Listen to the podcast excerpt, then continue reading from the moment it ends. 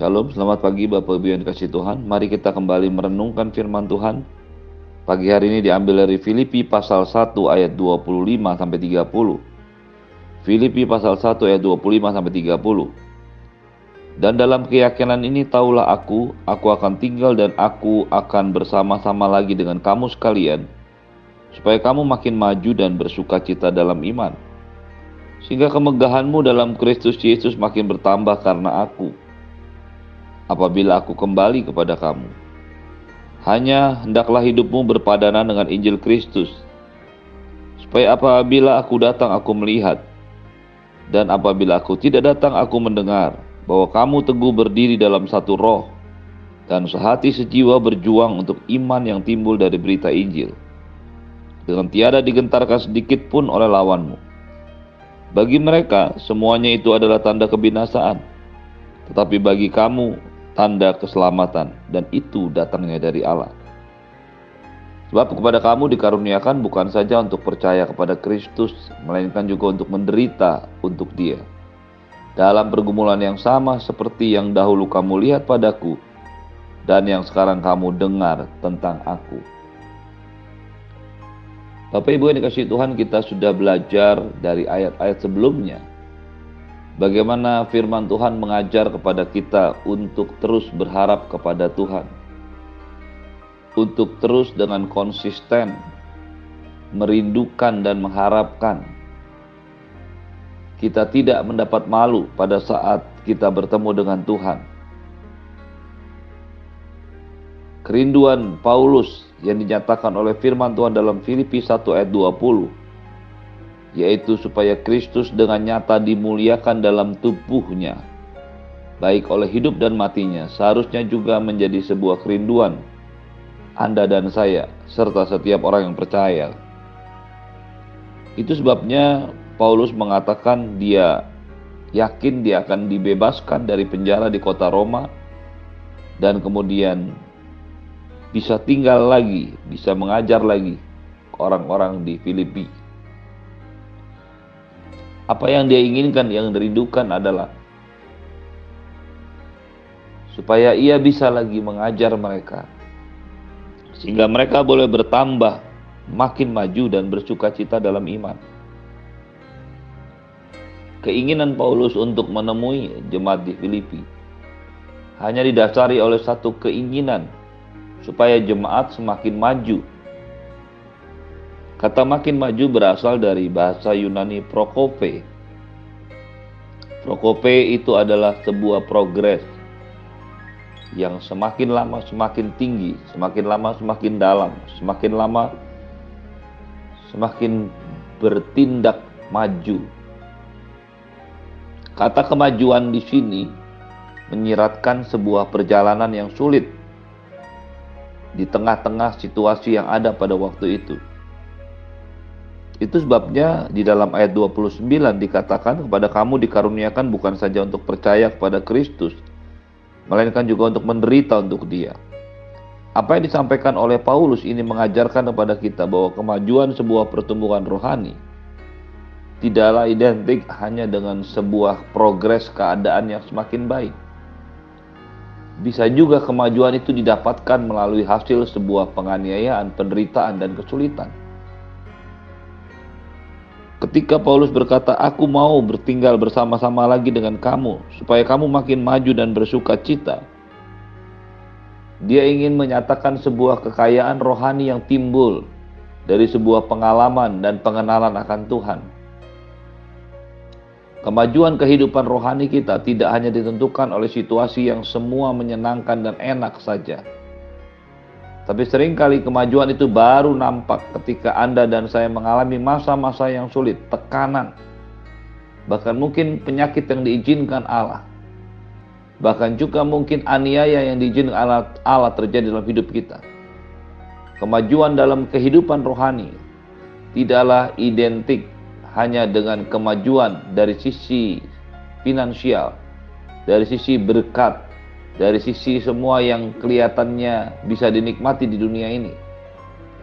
Kemajuan hidup rohani Anda dan saya juga ditentukan oleh seberapa banyak kita mampu melewati setiap tekanan, aniaya, kesulitan, bahkan penganiayaan. Itu sebabnya Paulus mengatakan tidak digentarkan sedikit pun oleh lawanmu. Ketika situasi-situasi yang tidak menyenangkan itu terjadi dalam hidup Anda dan saya, diizinkan Tuhan terjadi. Sedikit pun tidak boleh ada kegentaran dalam diri kita. Inilah yang dimaksudkan oleh Paulus, kemegahanmu dalam Kristus Yesus makin bertambah karena aku apabila aku kembali kepadamu. Pada prinsipnya setiap Anda dan saya, setiap orang percaya haruslah berjalan makin maju di tengah situasi apa pun yang sedang terjadi. Situasi ekonomi, situasi pikiran, situasi perasaan, situasi apa pun yang sedang Anda dan saya hadapi, tekanan-tekanan dalam hidup ini, dalam hidup ini, dalam pelayanan, tidaklah boleh menghentikan kita untuk terus melangkah melayani bersama-sama dengan Tuhan. Tidaklah boleh menghentikan langkah kita untuk terus bertumbuh mengenal Tuhan, mengasihi Tuhan. Ketika Paulus mengatakan, "Aku mau tinggal bersama kamu supaya kamu makin maju dan bersuka cita." Hal ini menunjukkan satu progres yang harus terjadi dalam hidup Anda dan saya. Setiap orang percaya dalam kondisi apa pun, dalam situasi apa pun, dalam persoalan apa pun yang sedang Anda dan saya hadapi. Itu sebabnya mengapa firman Tuhan setelah itu mengajarkan hanya hendaklah hidupmu berpadanan dengan Injil Kristus. Kata berpadanan, kata sesuai berasal dari bahasa Yunani axios. Axios itu diterjemahkan sebagai berpadanan. Worthily, suitably, ini menunjukkan bahwa hidup Anda dan saya sebagai orang percaya, hidup kita sebagai pelayan-pelayan Tuhan haruslah sesuai dengan Injil Kristus Yesus. Seperti yang sudah berkali-kali disampaikan, kekristenan adalah sebuah kehidupan.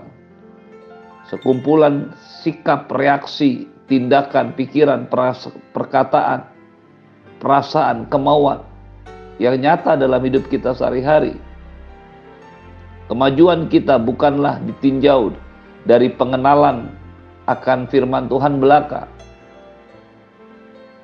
Kemajuan hidup rohani kita tidak ditentukan hanya oleh pengetahuan firman Tuhan, tetapi juga ditentukan oleh kehidupan kita yang semakin hari semakin suitable, semakin layak, semakin benar di hadapan Tuhan, semakin cocok dengan Injil Kristus.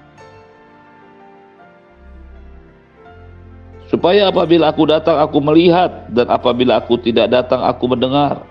Bahwa kamu teguh berdiri dalam satu roh.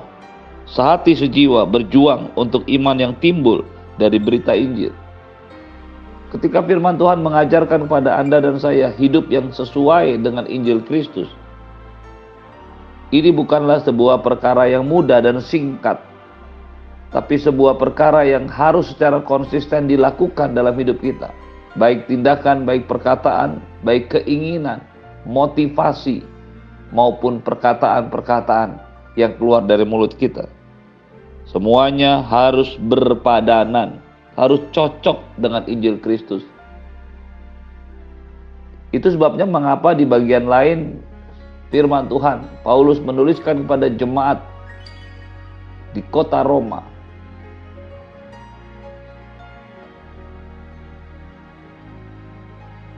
Dalam Roma 12 ayat 1 dan 2, firman Tuhan mengajarkan kepada kita bahwa demi kemurahan Allah aku menasihatkan kamu supaya kamu mempersembahkan tubuhmu kepada Allah sebagai persembahan yang hidup, yang kudus dan yang berkenan kepada Allah. Itu adalah ibadahmu yang sejati. Dan janganlah menjadi serupa dengan dunia ini, tapi berubahlah oleh pembaharuan budimu sehingga kamu dapat membedakan manakah kehendak Allah, apa yang baik, yang berkenan kepada Allah dan yang sempurna. Bapak Ibu yang dikasih Tuhan, ketika Anda dan saya hidup sesuai dengan Injil Kristus, itu artinya Anda dan saya harus mempersembahkan tubuh kita kepada Allah sebagai persembahan yang kudus dan berkenan itu adalah sebuah ibadah yang sejati bagi kita. Dan semua ini bisa dilakukan sambil memperbaiki, sambil merubah cara pikir kita. Berubahlah oleh pembaharuan budimu. Kekristenan adalah sebuah progres kemajuan kehidupan. Bisa dilihat dan bisa didengar. Itu yang Paulus sampaikan. Kalau aku datang, aku melihat. Kalau aku tidak datang, aku mendengar progres kemajuan kehidupan rohani Anda dan saya harus tampil keluar, harus nyata dilihat oleh banyak orang. Itu sebabnya mengapa firman Tuhan mengajar kepada kita berubah oleh pembaharuan budimu. Ada satu perubahan hari demi hari, waktu demi waktu dalam hidup kita. Ini bicara bukan hanya pengetahuan tentang Alkitab atau firman Tuhan. Tentu saja ini tidak bisa dihubungkan hanya dengan status atau gelar teologi, pendidikan teologi yang diambil seseorang. Tapi ini bicara tentang kehidupan yang nyata hari demi hari, waktu demi waktu. Ketika Anda dan saya bertambah maju dalam Tuhan, ketika kita hidup kita berpadanan dengan Injil Kristus, kita tidak digentarkan sedikit pun oleh lawan kita. Ketika aniaya, kesulitan, bahkan kematian coba dilontarkan si jahat atas Anda dan saya. Kita tidak mam, tidak bisa melihatnya sebagai sebuah tanda kebinasaan, tetapi sebagai sebuah tanda keselamatan. Ketika Paulus dipenjarakan, dianiaya, orang-orang yang tidak suka terhadap berita Injil melihatnya sebagai sebuah tanda kebinasaan. Tapi Paulus mengatakan itu adalah tanda keselamatan yang datang dari Allah.